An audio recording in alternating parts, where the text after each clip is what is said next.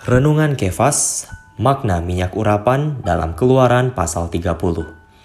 Kisah para Rasul 1 ayat 8 berkata, Tetapi kamu akan menerima kuasa kalau roh kudus turun ke atas kamu, dan kamu akan menjadi saksiku di Yerusalem dan di seluruh Yudea dan Samaria dan sampai ke ujung bumi.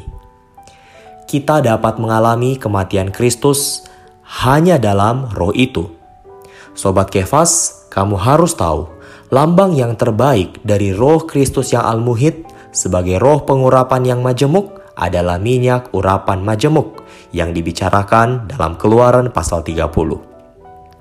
Lambang ini mewahyukan bahwa roh urapan majemuk adalah diramu dengan Allah yang unik sebagai dasar, sebagai keilahian Kristus dilambangkan oleh satu hin minyak zaitun.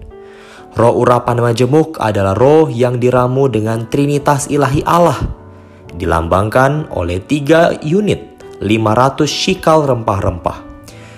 Unit 500 shikal yang tengah dibelah dua unit, masing-masing 250 shikal. Ini melambangkan bahwa kedua dari trinitas ilahi dibelah, disalibkan di atas kayu salib.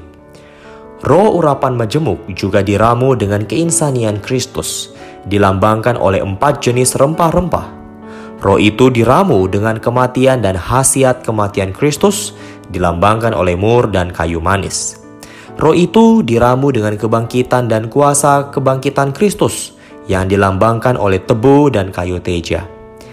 Adalah elemen-elemen roh urapan majemuk.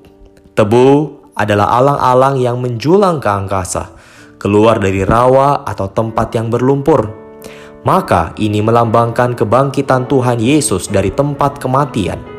Kayu teja di masa silam dipakai sebagai penolak untuk mengusir serangga dan ular. Maka ini melambangkan kuasa dari kebangkitan Kristus. Perjanjian baru mewahyukan ketika putra Allah datang, maka dia datang bersama dengan Bapa. Putra berkata, selama dia di atas bumi, dia tidak pernah sendirian, karena Bapa terus beserta dengannya putra bersama dengan Bapa dan melalui roh. Matius pasal 1 ayat 18 dan 20 memberitahu kita, Maria mengandung dari roh kudus. Anak yang di dalam kandungannya adalah dari roh kudus. Roh kudus adalah esens ilahi yang menyusun terkandungnya Yesus. Yang lahir dari gadis Maria bernama Yesus. Dalam apa adanya ada esens ilahi Inilah sebabnya dia sejak lahir tidak hanya sebagai manusia saja, juga sebagai manusia Allah. Dia adalah Allah yang utuh, juga manusia yang sempurna, karena dia disusun oleh esens ilahi.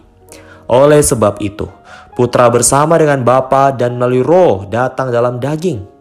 Sobat Kefas, semua elemen di atas diramu bersama, dibuat untuk minyak untuk mengurapi semua hal dan orang yang berhubungan dengan menyembah Allah.